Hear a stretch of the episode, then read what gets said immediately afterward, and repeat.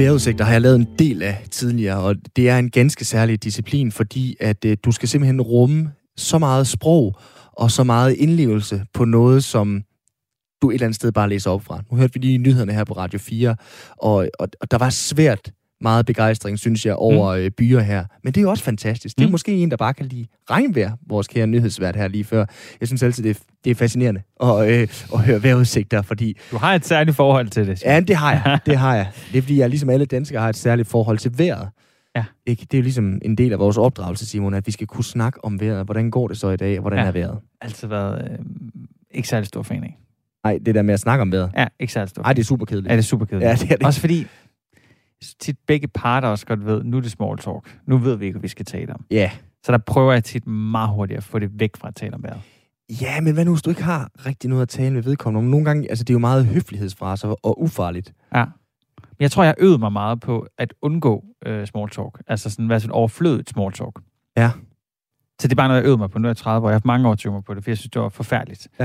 Jeg synes også, det var forfærdeligt at se øh, voksne gøre det som barn, når jeg Ja. bare har, har stået og holdt mine forældre i hånden og høre folk gøre det. Jeg er altid sådan... Først det var lidt akavet. Mm. Det er jo noget, vi tit gør i øh, vores øh, fag, øh, lidt small talk, når vi skal have fat i vores øh, gæster og så videre der. Så er det jo sjældent noget med, at vi bare øh, ringer op til dem og siger, øh, goddag, kan du være med kl. 16.10 i radioen, du skal snakke om det her. Der er vi nødt til lige at sige velkommen til, og øh, den slags øh, Ja. ja. småting der, også til, til baggrundssnakken der. Øh, jeg, jeg, altså, jeg ved ikke, om det falder mig unaturligt, men det, det er bare ikke... Altså, det er svært. Jeg er jo en af de få, der godt kan lide at tage et telefon. Kan, kan du det? Jeg synes, det er rigtig hyggeligt Ja, at tage et det. telefon. Jeg synes, der er en kæmpe frihed i, at man bare bruger stemmen. Jamen, det er jo meget godt, når du sidder her og skal være øh, radiovært med mig i en times tid nu. Jeg, Jeg er jo for det meste øh, bare øh, reporter og Ja. ja. tilrettelægger på det her program, så jeg, det er jo tit, det min dag går med bare at ringe til Mm. kilder, så synes jeg, det er vigtigt også at få noget godt ud af det, og have nogle hyggelige snakke. Nogle Ja. så kommer det også til bare at blive en, en hyggesnak om noget andet mm. øh, Mm. med, med kilderne. Det kan jeg meget godt lide. Men det er jo typisk også det, som small talk kan. Det er, det kan være afvæbnende, det kan være roligt, og Ja. det kan Men være... jeg, jeg, jeg, hvis jeg lige specificere, jeg har ikke noget problem med small talk. Jeg har problem, når det bliver overfladisk, når man taler om vejret, og begge parter godt ved, det er fordi, vi ikke ved, hvad vi ellers skal tale om. Den der med, jeg har også regnet meget på det sidste. Altså, når Ja. ja. nogen siger det, så er jeg sådan lidt, ej, åh. Men, jamen, det er, ja, det er både overfladisk, men det er også small talk, og nogle gange, så synes Ja, jeg, det bevæger er sig på en bedre. meget, meget hård, fin balance. helt sikkert. Skal vi ikke droppe den her small Det talk? synes jeg, vi skal. Jo. Ja.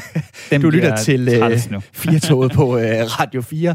Vi skal være her indtil klokken 17, og øh, skal, som vi også fik øh, nævnt lidt tidligere for dig, der lyttede med der, tale lidt om sådan et styrts øh, anatomi, og, øh, og hvordan det rent faktisk er lige i øjeblikket i Tour de France, fordi der har været rigtig mange og rigtig alvorlige øh, styrt Mm. allerede her på de første par etaper, og det medførte en rytter protest simpelthen.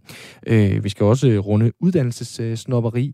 Vi skal runde det der med at kaste med øl til øh, fodboldlandskampe, festivaler. Er det i orden? Ja. Eller ej? Det der med duften af det det? fadøl og fornemmelsen af i langt mørkt hår at have skummet fra en lunken øl løbende ned af sig. Man ved ikke helt, om det er urin, indtil at man øh, kan dufte. Og så skal vi også øh, ligesom runde EM og øh, at 8. nu er færdigspillet til lige at lave sådan en status, og ikke den der status, de altid laver med, hvem er bedst, hvem er dårligst osv. Vi skal simpelthen have fat i de spillere, som vi vidste, vi elskede. Hipsterspillerne. De nye Will Grigg. Og der har vi den helt rigtige fodboldkondisør slash nørd, Niklas Stein, der skal hjælpe os med det. Nemlig. Vi øh, glæder os. Vi øh, håber også, at du har lyst til at lytte med. Hvis du har lyst til at øh, skrive ind, så kan du gøre det på 1424. Start med at skrive R4. Simon Schmidt og Simon Brix Frederiksen byder velkommen til dagens udgave af 4. Hvis der er noget, de kan i Frankrig, Simon, så er det at strække. Mm. Altså, det er de verdensmestre i. Lidt ligesom i øh, fodbold, som de også er verdensmestre i, og så er de jo også verdensmestre i cykelsport, i hvert fald i deres egen optik. De har stadigvæk det allerstørste løb, Tour de France, der i dag er i gang med femte etape, og en ret så afgørende enkeltstart lige øh, bag ved dig. Der er Kasper Askren lige rullet afsted.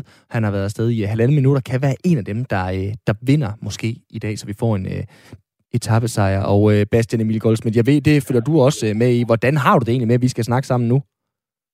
Jamen, det er da enormt spændende, både som Søren Krav og Kasper Askren er ude på ruten nu, så det er næsten med rystende fingre i spænding over, hvordan det kommer til at gå de to gode danske rytter her. Vi har ringet til øh, dig, øh, Bastian, fordi du er forfatter og cykelsports både kender og, og elsker. Det vi egentlig skal snakke om, det er øh, ikke enkeltstarten desværre, men det at i går at Tour de France-feltet jo protesterede over sikkerheden på ruten, efter at stort set hele feltet havde fået asfalt den foregående dag. Styrt på stribe og et øh, bretonsk blodbad betød, at øh, Froome Company de stod stille i et helt minut på etappen i går, og siden så trillede kun de følgende 10 kilometer. Så spørgsmålet, vi sådan skal dvæle lidt ved, det er, om, øh, om cykelsporten, den, øh, den måske er blevet lidt for blød eller, eller finfølende. Så jeg kan jo starte med det lidt sadistiske spørgsmål til dig, øh, Bastian. Vil du se cykelsport, hvis der ikke var styrt? Ja, det vil jeg selvfølgelig. Øhm, et af det, det værste, der kan ske i cykelsport, er styrtene, og jeg ved godt, det er noget, som mange sådan, det bliver vist mange gange i gengivelserne, og det er noget, som når det kommer i nyhederne, så ser man styrtene som noget af det første. Men øh, når man følger meget tæt med i cykelsporten, så øh, er styrtene det, man, man mindst vil se, og, og jo flere etaper uden styrt, jo bedre. Men hvor vigtig er, kan man sige, galskaben for, for cykelsport, og det her med, at der er en risiko hele tiden for, at de ender i asfalten? Jamen, den er enormt vigtig. Jeg plejer at sige det her med, at øh, skønheden stiger proportionelt øh, ved tilstedeværelsen af fare. Så jo større faren er, jo smukkere bliver bedrifterne også, fordi det er således så tydeligt, at der skal bruges mod for at, øh, at overkomme de udfordringer, som, som, som rytterne går i møde. Så, så det er jo også et elementært element i det, som vi elsker ved cykelsporten. Og du er jo, øh, tillader mig at sige, øh, interesseret i, du er cykelromantiker, meget øh, interesseret i cykelhistorik. Jeg har været haft fornøjelsen af at læse øh, din bog Fremad, som jeg synes er en rigtig god bog. Øh, hvordan har du det med den udvikling, den, øh, altså, det er både det her med cykelhjem, der er betalt om, at man skal gøre det mere og mere mm, sikkert. Mm. Hvad gør det for den, sådan, den romantisering, du har af tiden, hvor Fausto Coppi var den helt store held? Ja, men det er et godt spørgsmål. Vi snakkede rigtig meget om det under Giro d'Italia i år på, på Eurosport, fordi at vi for anden år i træk var vidne til en af de store bjergetapper blev forkortet på grund af dårligt vejr. Øhm, og det, det ser jeg på med meget stor alvor. Fordi at det, det, det er netop altså det, som har gjort cykelsporten til en, til en sport, hvor man dyrker sin historie, dyrker den mytologi, der kan være omkring præstationerne, det bygger altså på, at, at rytterne gennem tiden har klaret ting, som for os almindelige mennesker er umulige. Og det her med, når man, når man udfordrer det umulige, det er der, de store fortællinger når frem. Så hvis vi ser på de her blødgørelser i forhold til, hvordan man tager fat i vejret, hvordan etaper skal aflyses, hvis det er for varmt, hvis det er for koldt, hvis det blæser, regner, sner, det synes jeg er enormt alvorligt. Så, så i, i, med, med de briller på, så, øh, så synes jeg, det er en alvorlig udvikling. Og man kan jo sige her for, øh, for ret nylig, der har rytterne jo dannet en eller anden form for fagforening med Philip Silbert øh, i øh, front, øh, den store øh, belgiske rytter, som, som ligesom prøver at gøre indsigelse over for løbsledelsen i forhold til rutedesign og så videre. Og i øvrigt også gjorde det inden øh, mandagens styrthelvede. Har rytterne fået for meget magt, synes du, Bastian? Nej, altså den her rytterfagforening, den har nærmest ingen magt. Altså, så man kan ikke sige, at det er noget dertil nu. Jeg så, øh, jeg så at øh, Michael Mørkøv sagde i går, at de kan, de kan næsten ikke blive enige om noget. Jeg hørte i Lance Armstrongs podcast The Move i morges, snakkede de om, at, at den her rytterfagforening, de ikke engang, altså, de er ikke inviteret til ruteplanlægningen. Og når ruterne først er planlagt offentliggjort, startbyerne, målbyerne har betalt penge, det er næsten ikke til at lave ruterne om. Og, øh, og, og i udover det kan rytterne jo knap blive enige. Vi så den rytterdemonstration, de lavede i går. Måske var planen, at det skulle være stoppet i 10 minutter. Måske var planen, at vi skulle have kørt langsomt i 50 km. André Greibel var meget interesseret i, at det skulle stoppe den store tyske sprinter, men Alaphilippe lignede en, der ikke var lige så klar på, at det skulle stoppes. Ikke? Så rytterne har også altså, lige så mange forskellige agendaer, som, som de her personligheder. Og, øh, og vi så også efter den forfærdelige etape, vi så den anden dag, tredje etape, med alle de styrt, Søren Krav, da han kom over målstregen, han var glad. Mm. De havde klaret etappen godt. De havde undgået styrtene. Øh, så, så de havde ikke meget brugt til overs for, for, øhm, for ruten. Og, og det er altså, jeg mener med, at man kan sige sådan, den sejrende har altid ret, og, og så længe der er en sejrsherre, som der jo altid er i cykelsport, så er det svært at få lavet de ting om. Men et eller andet sted, øh, Bastian, vi har jo set øh, ret så voldsomme ulykker også de sidste par år. Stig Bryggs tidligere lotto-rytter, der er Fabio Jacobsen, mm. øh, quickstep-rytteren hvor langt vil du gå i forhold til øh, at arbejde for, at sådan nogle øh, forfærdelige øh, styrt, de, de undgås? Er det noget, man kan arbejde for på en eller anden måde? Altså det første og fremmest synes jeg egentlig, at de første tiltag, man skal, man skal tage fat i, er, er sådan noget, der tilnærmer sig logik. For eksempel det her med ikke at have spurtafslutninger på nedkørsler, som da det gik galt for Fabio Jacobsen, den her spurt, der er berygtet for, at de når næsten 80 km i timen, og at man ikke skal have de her trafikøer inden for de sidste to kilometer, og at vi ikke skal have øh, alt for smalle veje på massespurter, som der var den tredje. Jeg synes, den tredje etape var på grænsen. Jeg er ikke sikker på, at jeg synes, den var for farlig på den måde. Men, øhm, men, men det, det, jeg synes, at det første tiltag, man kan lave, det er ikke fordi, det er sådan kontroversielle tiltag, synes jeg. Det er meget mere kontroversielt det med, at nu må rytterne ikke øh, give en drikkedum til publikum. Eller det er som om, det er de forkerte steder, der bliver sat ind steder, der ikke helt tiltaler logikken og nu kan det være, at jeg lægger ord i munden på dig, men, men, men en type som dig, øh, Bastian, synes jo sikkert også, at det er fantastisk, når man, når man ser rytternes øh, ego og storladenheden, øh, når der er en, en patron, en, en chef i feltet. Altså, vi har set etaper mm. med regn, da Fabian Cancellara for mange år siden på en etape til Spag stod op i cyklen og trillede øh, til mål og annullerede vædemålet, vædemålet eller vædeløbet, undskyld. Altså, ja. hvor, går, hvor går grænsen for, hvor meget rytterne de kan, de kan tillade sig at tage affære på? Jeg bryder mig ikke så meget om, når rytterne tager, øh, tager affære på den måde, som Fabian Cancellara gjorde der. Øhm, Brian Holm, som jeg, som jeg tit taler med om det, han plejer at sige, at man skal give rytterne så få valgmuligheder som muligt med de her ting. Det er sportsdirektørerne, der, der skal tage beslutningerne. Det er holdejerne, der betaler rytternes løn. Der var den her omdiskuterede etape i Giro sidste år, hvor rytterne ikke gad køre på grund af en lang etape på løbets 18. etape i regnvejr. Og så valgte de altså simpelthen ikke at ville køre og efterfølgende var holdejerne rasende, i de betaler cykelrytterne for at køre cykelløb. Og det, altså, hvis man spørger en cykelrytter, har I lyst til at køre på en, en 260 km lang, kold, regnfuld etape, så har de jo selvfølgelig ikke lyst. Øhm, men, men, men det er jo til alt det, deres gerning går på, men det er ikke altid de, de, øhm, de beslutninger, der kommer frem, når trætheden melder sig på den måde. Så jeg synes øh, på sin vis, man skal, når løbene er i gang, holde rytterne så langt fra beslutningerne som muligt. Er det, er det frygt? Er det pylder? Hvad, hvad ser du det som et udtryk for? Altså, det er jo meget vigtigt at sige i den her sammenhæng, at rytterne er ikke pylderede. Og mm. det brokker sig ikke, at vi så uh, Jaron Thomas, som kører ned ad startrampen nu på enkeltstarten her. Uh, han fortsætter altså, selvom han rev skuldrene led på etappen for to dage siden. Rytterne er meget hårdføre og har en smertegrænse langt over den, almindelige mennesker kender til. Så alt, hvad jeg siger, er sagt med største respekt og, og største forståelse for, at, at det er cykelrytterne, der gør det utroligt. Det er ikke os, der sidder og snakker om det og diskuterer det. Øh, men når det er sagt, så tror jeg da, at, øh, at der er noget frygt indblandet med de her første åbningsetapper af Tour de France, som, som man snakker om, hvordan det kan være. Men øh, det er også noget, vi snakker om tit. Nu var, der, nu var det ikke så voldsomt øh, sidste år med de her spurtetaper med styrt, men det er jo Tour de France første uge er jo kendt for at være voldsomt. Og så er der jo hele tiden den der, øh, hvad skal man sige, kontekstparadokset mellem, øh, mellem øh, dødsangsten og iveren, og så samtidig vedløbet, som vi snakker om. Bjarne Ries, han udtalte kritik tilbage helt 95, da, han, da man mente, at han annullerede vedløbet, fordi at den italienske stjerne Fabio Casatelli, han døde mm. efter et, et styrt, og så dagen efter valgte man ligesom bare at trille etappen i mål og lod Motorola holdet, som Casatelli kørte for, øh, køre wow, samlet. nu skal jeg lige bryde ind her. Jonas Vingegaard laver ny bedste tid. Nej! Og det er jo helt vildt, den unge, øh, den unge Blømøre over, der, der laver ny bedste tid her. Det er jo helt vildt. Han sætter bedste tid i mål? Så skal vi se her.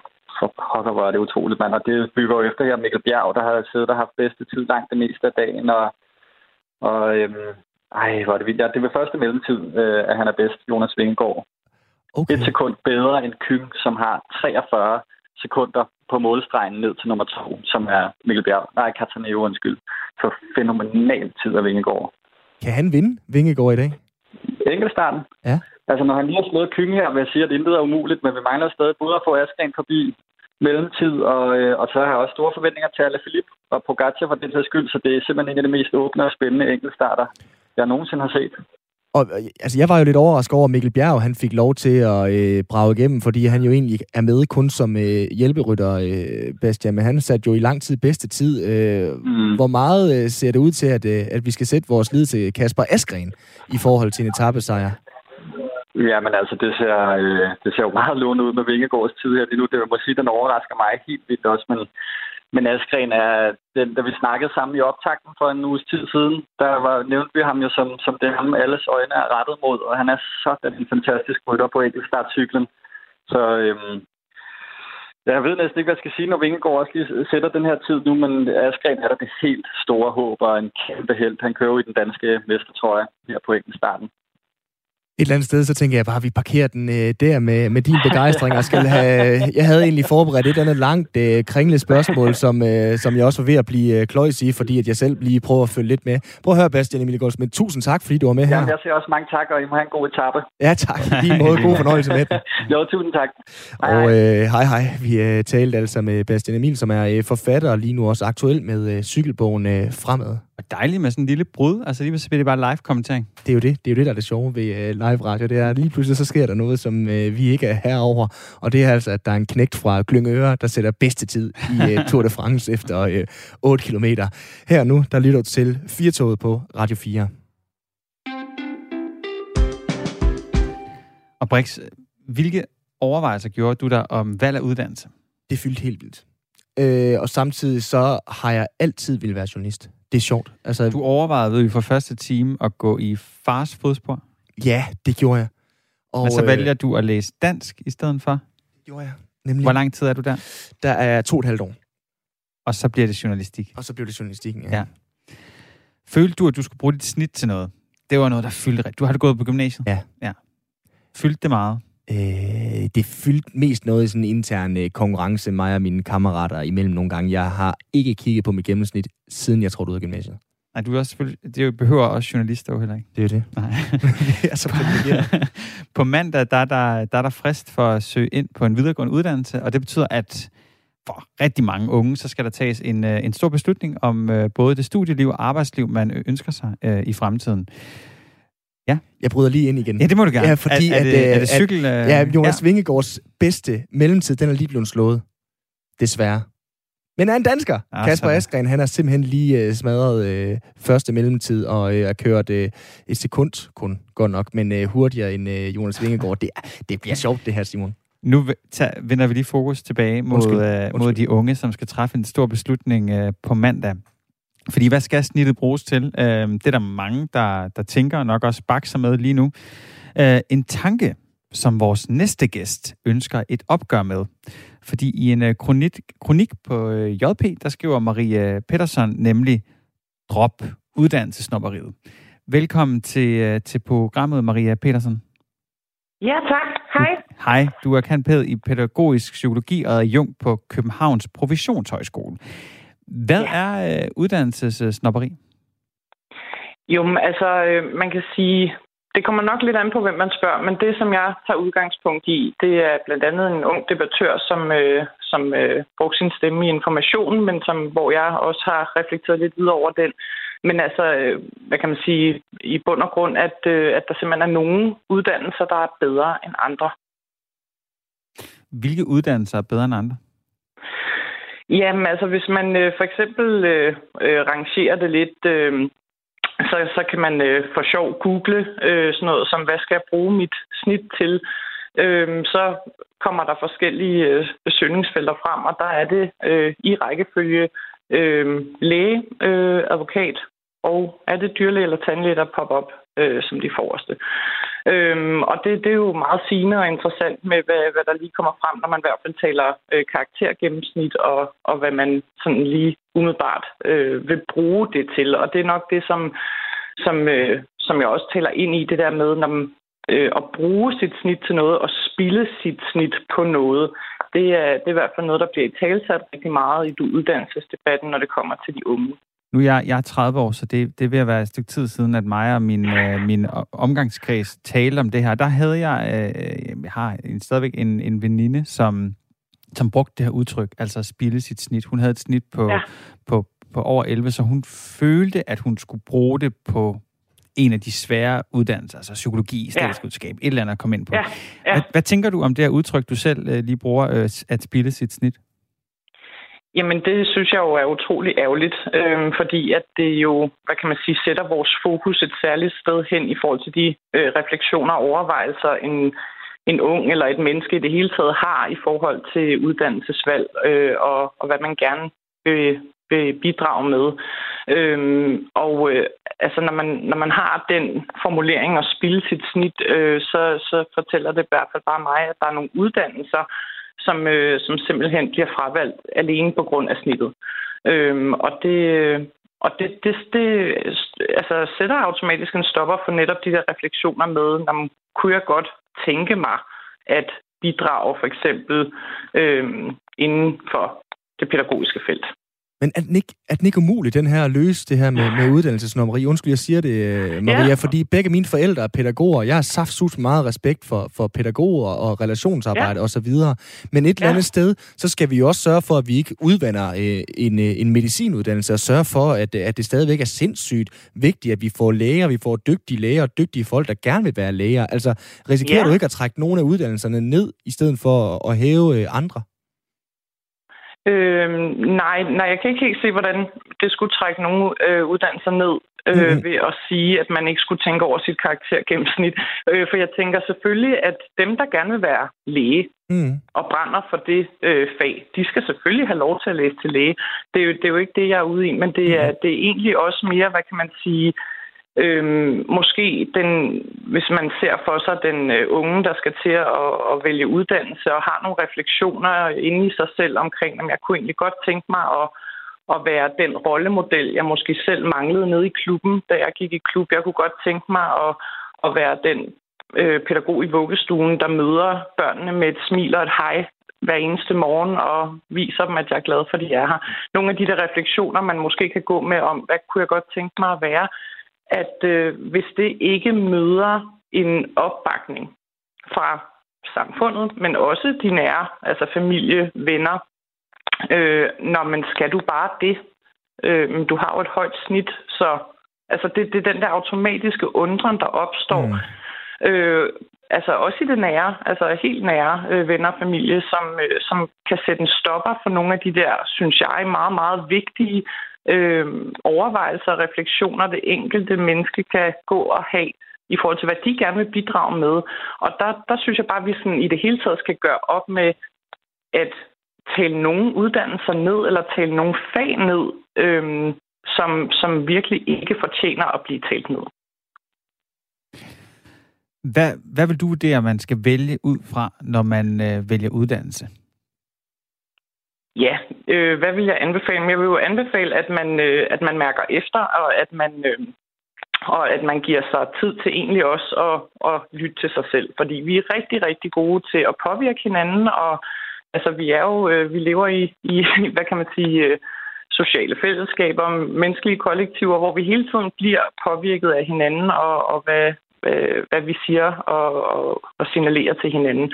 Men jeg vil helt klart opfordre den enkelte, den enkelte til at mærke efter og, og sige, at når, hvis jeg ønsker at gå den her vej, så, så har jeg modet og viljen til at gøre det. Og det er også det, som jeg tæller lidt ind i, ind i kronikken med, med den menneskelige karakter. Altså det der med, øh, altså det også kræver den der viljestyrke og, og mod for at, ligesom at sige, det er den her vej, jeg vil gå selvom jeg møder modstand eller manglende opbakning fra min familie, eller hvad det nu kunne være, at man siger, det er faktisk den vej, jeg gerne vil gå.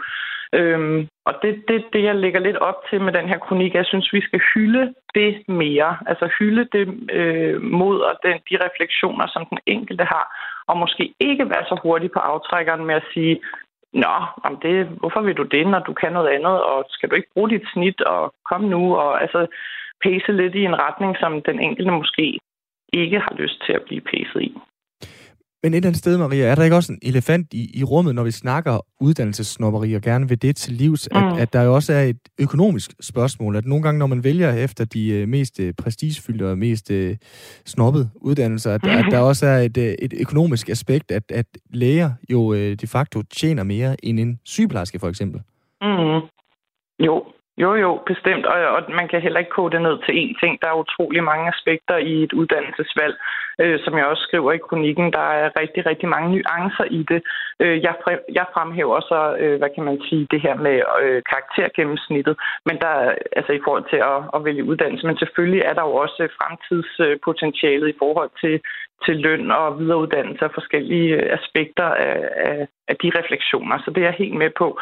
Øhm, men man kan sige, noget jeg, jeg så, det var, synes jeg var meget interessant, i hvert fald i forhold til pædagoguddannelsen og læreruddannelsen, og som du også selv nævner, øh, syge, øh, sygeplejerskeuddannelsen.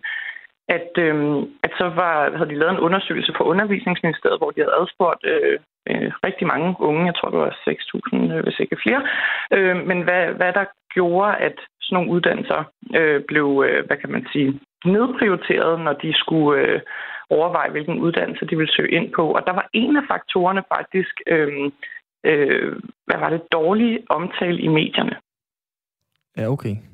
Øhm, så, fik vi, så gav du lige her story samvittighed. Nej, nej, nej, nej, nej, men det, det er jo om ikke andet noget, der kan sætte nogle refleksioner i gang i forhold til, øh, hvordan, øh, altså hvilke fortællinger, der bliver skabt om mm. hvilke uddannelser. Øh, det, det, om ikke andet kan det jo sætte nogle, nogle refleksioner i gang, fordi at det gjorde det da i hvert fald hos mig i forhold til, øh, at når jeg også taler med mange af mine studerende ude på pædagoguddannelsen, at, øh, at de jo netop også i tale sætter det der med, at den fortælling, der, der er skabt i samfundet omkring mm. pædagoguddannelsen og pædagoger generelt, er ikke øh, særlig positiv, og det er sjældent solstrålehistorierne, der popper frem i medierne. Øhm, og så kan man spørge sig selv, hvordan kan det være? Øhm, og det, øh, det kunne jeg jo meget passende spørge jer om, øh, som eksperter på det område, øh, men også sige, at altså, vi, at der er så mange øh, gode fortællinger, og der er så mange øh, succeshistorier, og hvis jeg bare kunne hive jer med ind i undervisningslokalet mm. med mine studerende, så ville I også kunne se, hvor ja, hvor, hvor øh, engagerede de er, hvor pa- passionerede de er. Det er nogen, der vil gøre en forskel for andre mennesker og ud og, og hjælpe, hvor de overhovedet kan. Og mm. det, øh, det gør mig jo sindssygt stolt, men jeg har bare indtryk af, at den fortælling kommer ikke altid længere ud end, øh, end det undervisningslokale. Desværre. Og det, det synes jeg i hvert fald er sigende i mm. forhold til, at det også er noget, der fylder i den unges uddannelsesvalg med medie, altså hvilken, øh, hvilke historier bliver der fortalt omkring de uddannelser, jeg går og overvejer lige nu. Øhm, for det, det, det er i hvert fald noget, der tydeligvis hos den unge betyder noget og sætter sig fast. Maria Pedersen, kant pæd i pædagogisk psykologi. Hvordan valgte du selv, at du skulle læse? Jamen, det, det var en øh, kringlet rejse, øh, men, men hvor at jeg altid har fået plads til at være mig selv og få lov til at reflektere over, hvad, hvad der betød noget for mig. Og det, det kan jeg mærke den dag i dag, at øh, det har haft stor betydning for hele min rejse, at jeg er blevet mødt af mennesker i mit liv øh, på kryds og tværs, øh, som har bakket mig op i det, jeg gav udtryk for, jeg synes var spændende. Tusind tak, fordi øhm, du var med her. Ja, selv tak. altså Maria Pedersen, kendt pæd i pædagogisk psykologi, adjunkt på øh, Københavns Professionshøjskole, og bag et skriv i JP, hvad skal snittet bruges til, hvor hun forsøger at gøre op med uddannelses snopperi. To er blevet til tre her i øh, studiet. Niklas Stein, velkommen til. Tak skal du have. Du er øh, sportsreporter her på Radio 4, så er du jo kendt og berygtet som kanalens største fodboldaficionado, connoisseur og øh, blandt andet jo bestyrer Kalke.dk, hvor du øh, leverer historier om, om, om både tyrkisk og italiensk fodbold og sådan noget, vi aldrig hører om. Ja. Så nu skal vi ligesom have sat punktum sammen med dig for EM's første del. Gruppespillet er afgjort. 8. de er, har fundet sine vinder og tabere. Foran de er skilt fra bukkene, for nu at bruge en kliché. Og øh, det sjove er jo, så du Sverige-Ukraine i går? Det gjorde jeg heldigvis ikke. Okay. Fordi ud af absolut ingenting, der blev det sidste punktum sat af en ukrainsk angriber i går, som øh, sendte Sverige hjem, Artem Dobryk, der i tre år hverken kunne komme på holdet i, i FC Midtland eller Sønderjysk i Superligaen. Men nu er han blevet en ukrainsk folkehelt og, øh, og skandinavisk øh, mareridt. Og derfor skal vi sådan snakke lidt om de her kult hipsterspillere, øh, EM 2020, svar på Will Grigg osv., og det, det er du manden for. Fordi vi gider ikke de der power rankings, vi gider ikke de der kedelige analyser, hvor vi, de altid siger det samme eksperterne. Så øhm, vi kan starte med at, at sige, hvem er EM's største hipsterspiller indtil nu? Jeg har, jeg har gået med en, der hedder Matteo Pessina. Okay. Øhm, en italiener, som øh, altså Italien har, er det hold, der i hvert fald resterer i turneringen, som falder øh, mit hjerte tættest. Og de har heldigvis brugt øh, Matteo Pessina en, en smule. Han er jo ikke er ikke fast mand, men, mm. øh, men han har fået nogle spilleminutter, og han var blandt andet den, der scorede det seneste mål, de, øh, der, der, der bragte dem videre i forlænget spilletid fra 8. finalen, hvor han lige blev øh, skiftet ind og lavede sådan en meget særegen jubel, hvor han nærmest falder helt pladask på maven og glider hen ad, hen ad, hen ad græsset. Han er min absolutte yndlingsspiller EM, faktisk. Øh, jeg kunne godt lide ham i forvejen, fordi han blevet, han blev hentet ind for at erstatte ham her. En anden, øh, ja, ikke engang hipsterspiller, men decideret kultspiller i Atalanta. Sådan en rigtig hipsterhold også, ikke? Ja. øhm, deres, deres tier, øh, argentinske Papo Gomes, der skiftede til Sevilla for et lille års tid siden, der, der, det, det skete sådan lidt, han, han blev lidt uvenner med træneren, røg til Sevilla. Altså hvis de ikke rigtig hvem de skulle erstatte ham, så havde de ham her, den unge italiener, Matteo Pessina, som sådan har haft lidt svært ved at fylde det her store, øh, store rum, øh, der er blevet efterladt ved Atalanta. Men han har gjort det godt nok til, at han altså er kommet på det italienske landshold og har fået nogle, nogle EM-minutter. Jeg synes virkelig, altså han er, han er, han er sådan en, en fed spiller, fordi, og det er jo det, der er ved hipsterspillere, de er jo først rigtig fede, når man lige tager deres CV med ja. indover. Og når jeg sådan kigger ned over hans CV, så bliver jeg bare sådan, altså som sagt, så falder Italien mit hjerte meget nært, og når jeg ser italiensk fodbold, så giver det sådan lidt ekstra i mig, eller når jeg ser Italien ved et landshold, giver det lidt ekstra i mig for at komme derned. Og jeg vil gerne være dernede, jeg får mm. udlængsel, og vi får alle sammen udlængsel på grund af mm. corona her for tiden, ikke? Og så kigger jeg bare ned over hans CV, og det er sådan rigtig uforløst evighedstalents CV. Sådan en rigtig italiensk uforløst evighedstalents CV, øh, der, der hedder Monza, AC Milan, Lecce, Catania, Como, Spezia, Hellas Verona, Atalanta. Det ligger bare godt i munden, ikke? Sådan helt op.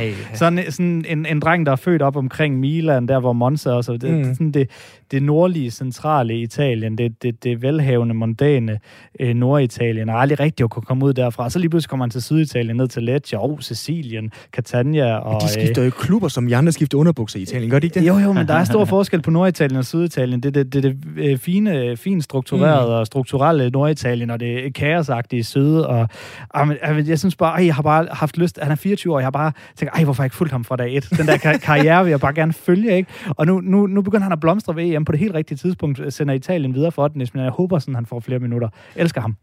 Fantastisk start. Christina, hvor meget har du lagt mærke til ham inden slutrunden, Simon Schmidt? Altså, jeg har ikke fået set så mange Italien-kampe. Det har lige passet dårligt med, øh, med, med min uh, nyfødte datter, desværre. For det mm. de hold, jeg gerne vil følge med i, så jeg skal se dem mod Belgien. Hvis første svar var en audition, Niklas, så har du øh, vundet retten til at komme med flere bud. Jeg gad egentlig godt vide, har du nogen danskere med på din liste over hipsterspillere? Den er altid sådan lidt svær, fordi det, der jo ligger, ligger i ordet hipster, tænker jeg, det er sådan det, der er blevet sådan lidt underdækket. Og mm. altså, vi, vi, vi, vi, vi plaster jo det, det til her i Danmark. Ikke? Der er blevet og, sagt Mæle og Damsgaard mange jamen, gange. og det er jo lige præcis de to, jeg har skrevet ned. ikke? Fordi, og igen også to italienere, Damsgaard, der spiller i Sampdoria, og Mæle, der spiller i Atalanta. Men det er også, altså, det er dem, der i hvert fald i udlandets øjne er blevet til hipsterspillere, fordi der var ikke rigtig nogen, der kendte dem i forvejen. Man skal følge rimelig godt med i italiensk fodbold for at have vidst, hvem de her to øh, juveler der var, selvom især Sampdoria, de har virkelig gjort. Altså, man skal gå ind, hvis man, hvis man godt kan lide fodbold, italiensk fodbold og, og dansk fodbold i, i, i smuk forsoning, skal man gå ind og følge Sampdorias Twitter-profil, og så skal man lægge mærke til, hvor, hvor, hvor meget de har hypet Mikkel Damsgaard op. De har, de har givet ham øh, hans eget øh, lille kaldenavn. De kalder ham Il Ragazzino, som betyder noget, noget stil med den lille dreng, eller sådan et eller andet. Mm. Og hver gang han har lavet en eller anden lækker finde i en Sampdoria-kamp, eller en eller anden kamp, så er de bare plastret Twitter til med, med, med fede detaljer om, hvilken diamant i svøb de har. Så, øh, så de, og han er ikke til salg, men de fortæller, hvor meget han koster. Det er nemlig det, deres, øh, deres meget karismatiske præsident, Massimo Fiorella, han ved, at han skal have rigtig mange millioner for ham, men du kan, hvis du byder de millioner, så får du ham alligevel ikke. Ja, øh, ej, han er fed. De er fede. De er fede.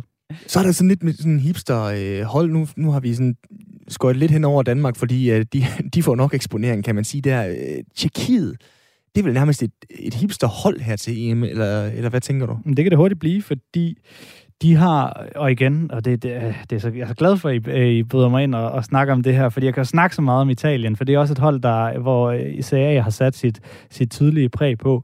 For de har jo selvfølgelig øhm, Patrick Schick, som så godt nok ikke spiller i Italien nu, men som fik sit gennembrud igen, apropos i, i Sampdoria, hmm. og var sådan et, et øh, meget attraktivt navn for en 3-4 år siden, hvor han brød igennem og kom så til Roma, hvor det ikke rigtig gik, og så videre til Leipzig, øh, hvor det går sådan okay nu, og, øh, og han, har jo, han har jo været deres, han har været deres talisman her under, mm. under, under EM, og ligner, ligner det der sådan øh, gennembrud efter gennembruddet, han muligvis kunne få.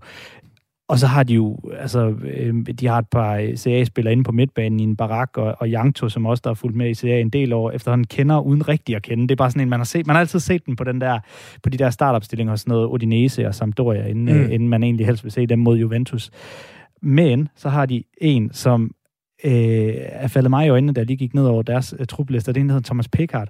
Og I aner ikke, hvem det er, men, men han, øh, jeg, jeg er Tottenham-fan, og han var en kæmpe fodboldmanager-legende for, jeg tror han er 31 år nu, som det var sådan noget 15 år siden, fordi han var, han var sådan en kæmpe, øh, han var 16 år, hvad han mm. var i Tottenhams truppe, han kunne blive deres yngste spiller nogensinde. Og jeg kan huske, at jeg havde så store forventninger til ham, og jeg fik aldrig nogensinde set ham spille fodbold. og så går jeg ned og kigger, og sådan, han er der, han er med, han får vidste ikke rigtig nogen spil, så jeg tror muligvis, han har fået nogle minutter. Men han er også med i Tjekkiet. Ham vil jeg sindssygt gerne se spille fodbold, bare fordi oh, jeg kan sige, at jeg så endelig har fået det gjort. Det er rigtigt, det er sådan Tottenhams Maxim Tiskalko. Ja, altså... ja, ja, og han er også med. Nej, Øh, nej, undskyld, det er løgn. Det er løgn. Det er, løgn. Det er ikke øh, Maxim Tiskalko, der er med. Det er øh, Zygankov, som ah. er sådan meget, øh, som også er sådan en fodboldmanager-legende, som er med for Ukraine, som, som også er sådan en, der sådan, åh, der er han, og han får ikke spilletid, men hvor er det fedt, han er med. er klasse. Kom med nogle flere. Du havde inden EM, havde du hipsterfidus til blandt andet Tyrkiet og Nordmakedonien. Ja. Den ramte du ikke særlig godt. På ingen måde. Nej. så jeg går ikke ud fra, at der er nogen af dem, der ligesom er med. Hvad har du mere? Altså, jeg vil dog lige nævne uh, Goran Pandev, som jeg også nævnte dengang, nemlig, som, som, som jo faktisk står tilbage som et af de, de, de fede øjeblikke, trods alt alligevel. Mm. Nordmakedonien gjorde jo ikke sindssygt meget væsen, altså det første store uh, slutrunde, men de fik jo det her øjeblik med, at Goran Pandev han fik scoret, og i den sidste kamp, som øh, fik han den her øh, trøje fra Holland, som var modstanderne. Mm. Altså, de tilkendegav også, at okay, du er alligevel en spiller, der, der på en eller anden måde har sat os i alle, alle vores bevidsthed efter alle de her år, du har været i, i Premier League. Så han fik en øh, specialdesignet Holland-trøje med, jeg tror det var 122, som var det antal kampe, som selvfølgelig er landsholdsrekorden for Nordmakedonien, som han har spillet. Og så fik han en æresport, øh, da han gik ud, øh, blev skiftet ud til sidst i den sidste af Nordmakedoniens tre kampe, af sin egen spiller. Det var sgu også meget det var meget fint. Så han, han var fed. Han, han, han nåede sat sit lille præg, men det gjorde Tyrkiet overhovedet ikke. Klart det ringeste hold i hele EM. Ja, det var virkelig en, øh, Sådan det var. en jammerlig omgang. Altså, jeg, inden øh, du kom i studiet, øh, Niklas, der har jeg skrevet uh, Petri og Dobryk. Altså, der var den her tidligere sønderjyske spiller, uh, som afgjorde kampen for Ukraine i går, som bare er en spøjs historie. Og så Petri fra Barcelona. Meget, meget lille væver, spiller og så videre der. Men kvalificerer han til at være en hipsterspiller i dine øjne?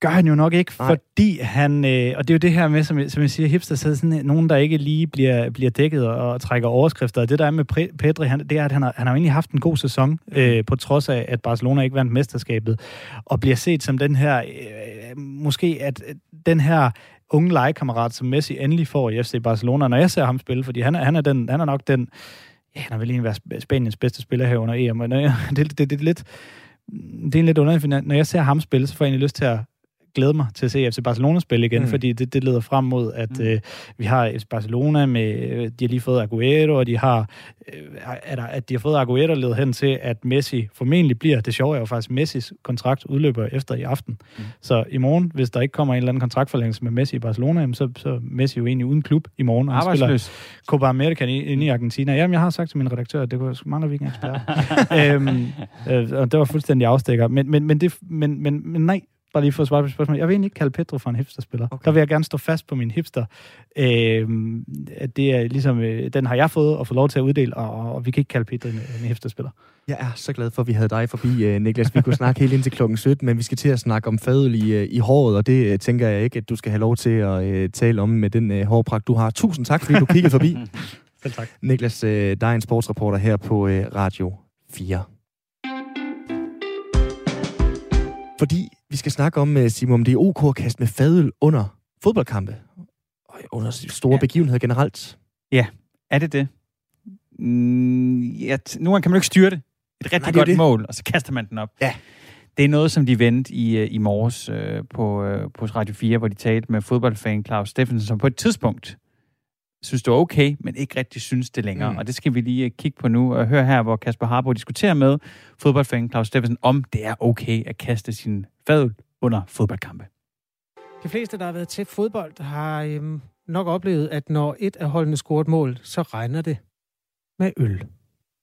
Folk kaster simpelthen deres fadøl op i luften i glæde. Eller raseri kan det også være.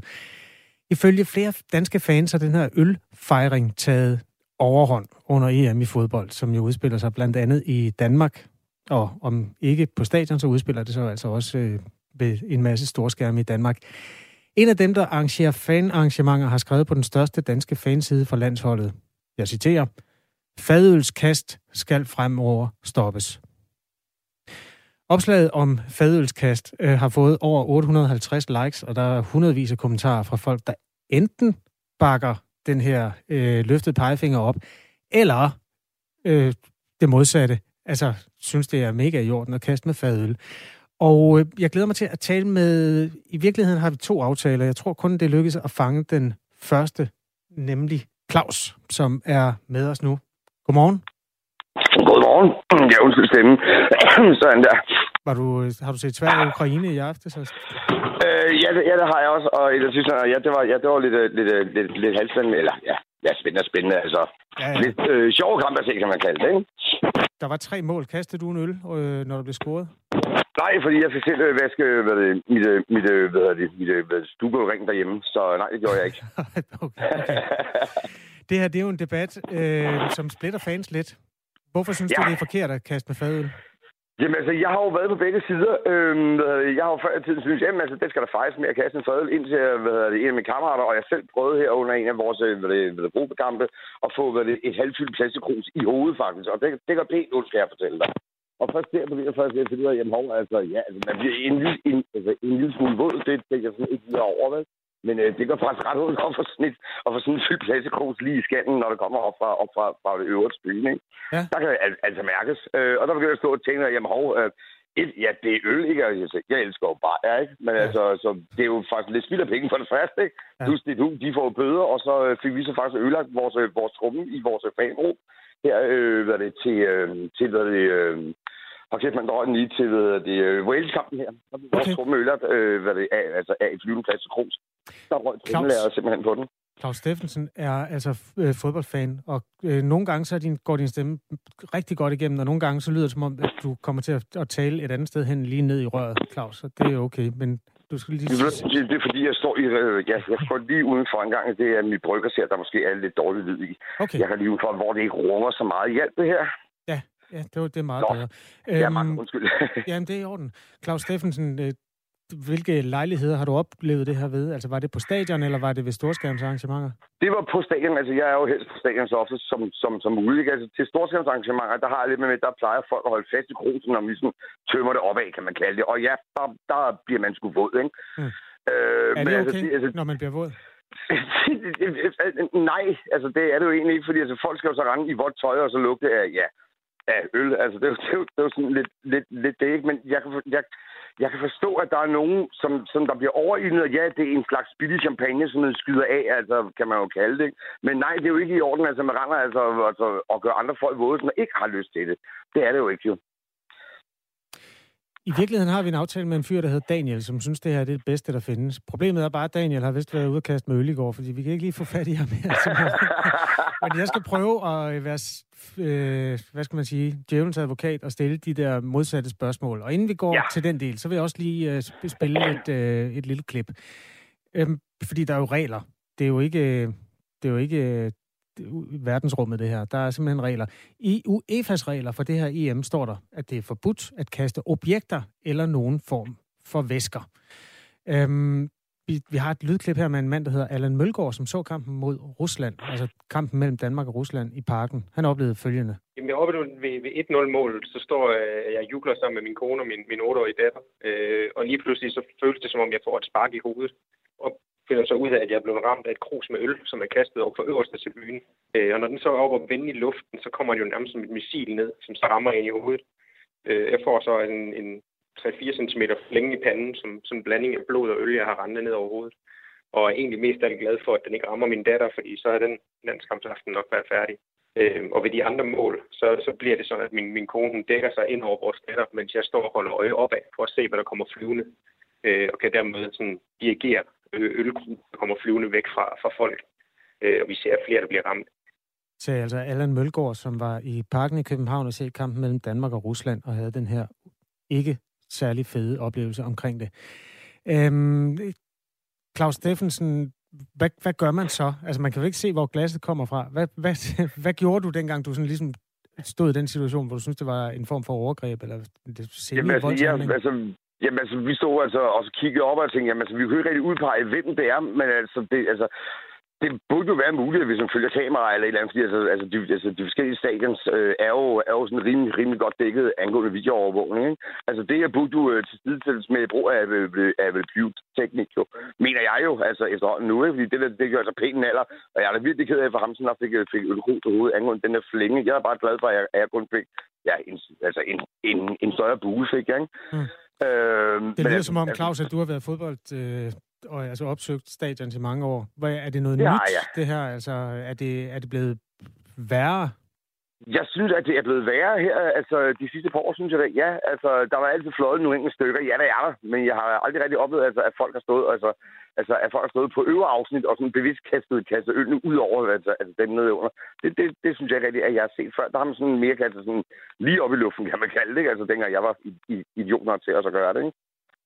Har du nogensinde tænkt over, hvem du ramte, eller har du lagt mærke til, hvem du ramte? Det har jeg overhovedet ikke nu, nej, men det er jeg virkelig begyndt også at, at, at, tænke over nu, efter at jeg selv blev, blev ramt der. Det, det, det gjorde kraftet i. Det her det er altså en øh, belysning af et hidtil øh, underbelyst fænomen, nemlig at der bliver kastet ikke bare væske, men også samtidig fyldte plastikgrus, som slår hårdt, når de lander igen. Det er de historier fra parken i København, vi blandt andet får fra Claus Steffensen og tidligere også fra Allan Mølgaard. På den danske Facebook-fanside, der hedder Danes Away, Danes Away, altså danskere bortrejst, udrejste, er der mange, der mener, at det er super fint at kaste med fadøl. Der er en mand, der hedder Andreas Matti Minik, der skriver sådan her. Sikke en omgang klønk. Det er øl, det er ikke nervegift. Slap nu af og nyd det for pokker. Folk er glade, og vi er mange, der ikke har oplevet det her med vores landshold som dig, så glæd dig over andres glæde og lad dig rive med. Var det noget, Claus Steffensen? Skulle du ikke bare glæde dig over andres glæder og lade dig rive med? Selvfølgelig, altså, altså indtil man selv bliver, bliver ramt af, af et øh, objekt. Det er altså minimum 500 gram, som man kommer flyvende ned, hvad det, ned øh, hvad det, i skallen på dig. Ikke? Det gør en kraftet i munden, så ham der, hvad fanden var det, en enhed, som der er skrevet af skulle du selv prøve at stille sig, så vil jeg da gerne tyre sådan en glas hvad det, i, i skallen på ham, der er intet på penge. Øhm, du kan finde ham på den Facebook-fanside, der hedder Danes Away. Så kan du selv, ja. øh, så tager I den bare med, mellem jer, hvis I skal sætte sådan en historie op. Øh, skal du øh, på stadion på, og, og se flere fodboldkampe her under EM? Jeg håber da virkelig, at, sådan, sådan, når vi vinder, forhåbentlig vinder over, hvad hedder det, over hvad det, hvad det, Tyrkiet, at det bliver muligt at komme til England og se, at de måske lemper lidt på deres rejserestriktioner. Ikke? De så også kunne, kunne det være, være rart at så komme over og se en, hvad det, en mulig dansk semifinal og finale. Ikke? Altså det, det, det, vil, det vil jeg da ikke sige nej til. okay. Jamen, hvis det lykkes, så vil vi meget gerne have en, øh, en Øhm, pejling på, hvordan man opfører sig i England, hvad det her angår. Jeg har lagt mærke til blandt andet ved et, øh, der blev vist tv-billeder fra et storskærmsarrangement, da Kroatien spillede mod Spanien. Og i kroatiske kredse er det også enormt udbredt at kyle øl op i store øh, mængder. Jeg ved ikke, hvordan det er i England, men det må du vende tilbage til. Det er noget mørkt øl, de har derovre, også. du kommer til at lugte for forfærdeligt, når du skal hjem, Claus Steffensen. Ja, men det smager godt, det der mørke øl. Det er derfor, at jeg ikke kaster med det for pokker det. Uha, det er jo uden at nektar, ikke? du er meget ret. Tak fordi du var med. jeg vil selv tage det også lidt. Gudernes nektar. Det kommer, jeg, ja, det kommer jeg til at bruge fremadrettet. Ja. Nej, du skal ikke kaste øl efter mig. Det er gudernes nektar. Det var øh, Kasper Harbo, der i morges havde snakket og diskuteret lidt med fodboldfan Claus Steffensen om det her med, at det er ok at kaste øl under fodboldkampe, og det kan man jo øh, oversætte også til koncerter og så videre der. Ja. Jeg tror ikke, det er noget, vi kommer af med. Det, der er lidt first world problem over det, mm. øh, men øh, det er også meget sjovt. Ja. Simon, vi kan lige øh, runde øh, programmet af. Der ja. er et par minutter øh, tilbage, og øh, blandt andet kan vi jo sige, at øh, det ser ikke ud til, at der bliver danske etappesejre. Faktisk er det umuligt. I uh, Tour de France, der er enkeltstart i dag, femte etape. Jonas Vingegaard fra Jumbo Visma-holdet, øh, danskeren fra Glyngøre, som øh, Bastian Emil Goldsmith begejstret afbrød et interview for øh, Råb havde sat bedste mellemtid. Han er nummer to, 10 sekunder langsommere end Stefan Kyng, den svejsiske europamester mm. i enkeltstart. Og øh, nummer tre, PT i mål, det er Kasper Askren. Så øh, det bliver... Øh, det bliver umuligt at få en dansk etappesejr, men øh, er flot kørt af den. Øh, vi talte jo med Bastian Emil, netop fordi, at øh, der har været protest i Tour de France-feltet mod øh, rutens beskaffenhed og, øh, mm. og generelt sikkerheden, og... Øh, der fik vi en sms fra, fra Kenneth, Simon, som jeg lige vil læse op. Jeg ved ikke så meget om cykelløb, skriver Kenneth, men da Formel 1 blev mere sikkert, der forsvandt kørendes hensyn til hinanden. Måske er det lidt det samme med cykelryttere, at hvis de tror, at ruten er mere sikker end før, så slapper de lidt mere af og bliver lidt mindre hensynsløse, skriver øh, Kenneth til os. Mm. Derudover så har vi også øh, talt lidt om øh, uddannelsessnopperi til det, har Arne skrevet ind på 1424 R4, og når en sosu har samme bil, samme løn og bor i samme slags hus og holder samme ferie som advokaten, så vil mange gerne være sosu. Det handler ikke om snopperi, men om cool cash. Det er lønnen, der er prestige, og ikke jobbet, skriver han altså. En vigtig pointe. Det er det jo. Mm. I hvert fald øh, er en vigtig øh, ja, take at lige have med. Simon, vi har øh, ikke forfærdelig meget tid øh, tilbage om... Øh, om lidt så er der en genudsendelse af Comedy-kontoret her på Radio 4. Det er efter nyhederne klokken 17, og også lidt specialklassen og, og Bamsestuen øh, til dig. Nu øh, kan jeg se, at øh, der er ren slovensk duel i gang i øh, Tour de France. Vi har talt om hipster fodboldspillere. Hvis der er nogen hipster cykelryttere, så er det Primoz Roglic, der øh, sidste år tabte Tour de France på næste sidste etape. Fordi hvad lavede han, inden han blev cykelrytter? Sådan en skihop eller sådan ja. noget? Ja. Det er, sejt. Det er virkelig sejt. det er fedt hop. Øh, og han øh, har øh, døbt sig selv Mumien i går, fordi han simpelthen på grund af alle de styrt, der har været i Tour de France, er fuldstændig tilplastret i tape og øh, bandager og bind, og øh, det er også bare det, vi synes er fedt ved øh, Tour de France. Så jeg skal hjem og sige Tour de France, og jeg skal sige tak for i dag. Simon Schmidt, Simon Brix Frederiksen var glade for, du lyttede med til Firtoget.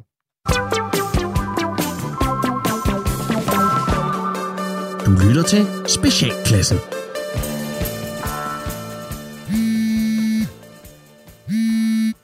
Ja, det er Jonas. Hej Jonas. Det er Helle nede fra Bamsestuen. Hej Helle. Er alt okay? Øh, ved du hvad, det er bare fordi, øh, nu lige sige noget. Hvis Lukas Emil han siger, at jeg har talt meget højt i dag, så er det simpelthen fordi, jeg tog Lukas Emil i at slå Linnea med en grøn plastikskål. Og ja, så, så fik jeg nok lige talt med ja, ret store bogstaver, ikke? Åh, for søren. Ja, men det giver god mening, men altså, det, det er fint, du lige siger det, ikke? Selvfølgelig. Ja. Øh, det er jo vigtigt, at du ved, hvorfor, hvis han kommer hjem og siger, at jeg, øh, jeg har råbt ham ind i ansigtet. Øh, altså, altså gudskelov, øh, så var det jo ikke en af de der skovle af metal, fordi så havde vi jo kunne sende Linnea hjem uden venstre øje, og det ville da være synd for sådan en køn lille pige. Øh, ja, ja, det er jo heldigt, men, men det er vel også derfor, I har plastikskål, ikke? Ved du hvad, Jonas, jeg synes faktisk ikke, det er sjovt.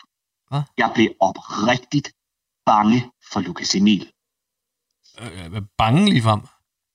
Ja, jeg synes, han udviser et rigtigt uheldigt kvindesyn, som han i hvert fald ikke har lært hernede på Bamsestuen. Øh, nej, øh, okay.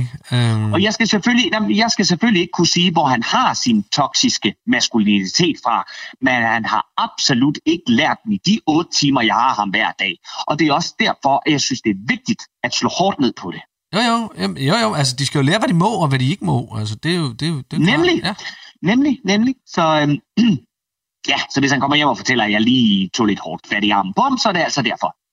Øh, hvad for noget? Ja, altså bare hvis, øh, ja, hvis du skulle finde nogle blå mærker fra mit øh, greb, så ved du, øh, hvad den rigtige historie er. For jeg reagerede bare, øh, ja, jeg reagerer bare impulsivt. Oh, oh, oh, undskyld, stop lige. Har du givet Lukas Emil blå mærker? Ej, det ved jeg virkelig ikke, Jonas. De kommer jo altså først efter noget tid. Øh, men jeg måtte jo bare redde Linnea fra den voldshandling, som Lukas Emil havde gang i. Stop lige. Har du givet Lukas Emil blå mærker? Jonas, det har jeg lige sagt, at det kan man ikke se nu. Og ved du hvad, jeg synes faktisk lige, du skal have øjnene på bolden lige nu, ikke også? Og fokusere på, hvad problemet er. Og det er, at jeg simpelthen blev så bange over det kvindehad, som jeg så i Lukas Emils øjne. Et, et kvindehad? Ja, over for Linnea. Ej. Og her på Bamsestuen, der er det jo faktisk, Jonas, her på Bamsestuen, der er det faktisk både mit ansvar og min pligt at beskytte pigerne. Ja, og, og, og drengene for den sags skyld også. Men hvad, det, det er altså ikke i orden, det der, Helle. Det er simpelthen ikke i orden. Det er fair nok, at du lige stopper ham og, og hiver ham væk, men, men hvad, det går sgu ikke, at du giver min, min dreng blå mærker. Det vil jeg fandme ikke finde mig i. Jonas, igen, så må jeg lige bede dig om at holde fokus på den rigtige problematik i eftermiddagens episode. For det er i det her, at der ligger et kæmpe ansvar på dine skuldre. Hvad for noget? Du er det maskuline forbillede, Lukas Emil er formet af. Så hans handlinger, det er dit ansvar. Og når en fireårig opfører sig som en patriarkalsk voldspsykopat, så har han det ikke på fremmed. Jamen, nej, altså, prøv jeg, jeg, jeg prøver sgu ikke at være toksisk og sådan noget, men jeg synes bare, det, det, det virker voldsomt, det du siger. Det er da også meget voldsomt, Jonas. Og det er jo derfor, jeg gør dig opmærksom på det. Jeg ved bare, hvis det var min dreng, der reagerede på den måde, så ville jeg da i hvert fald kigge meget mere indad, end jeg vil kigge på ham. Men altså, igen, Jonas, hva, altså, ja, hvad ved jeg? Jeg er jo bare pædagog, ikke? Hej, hej.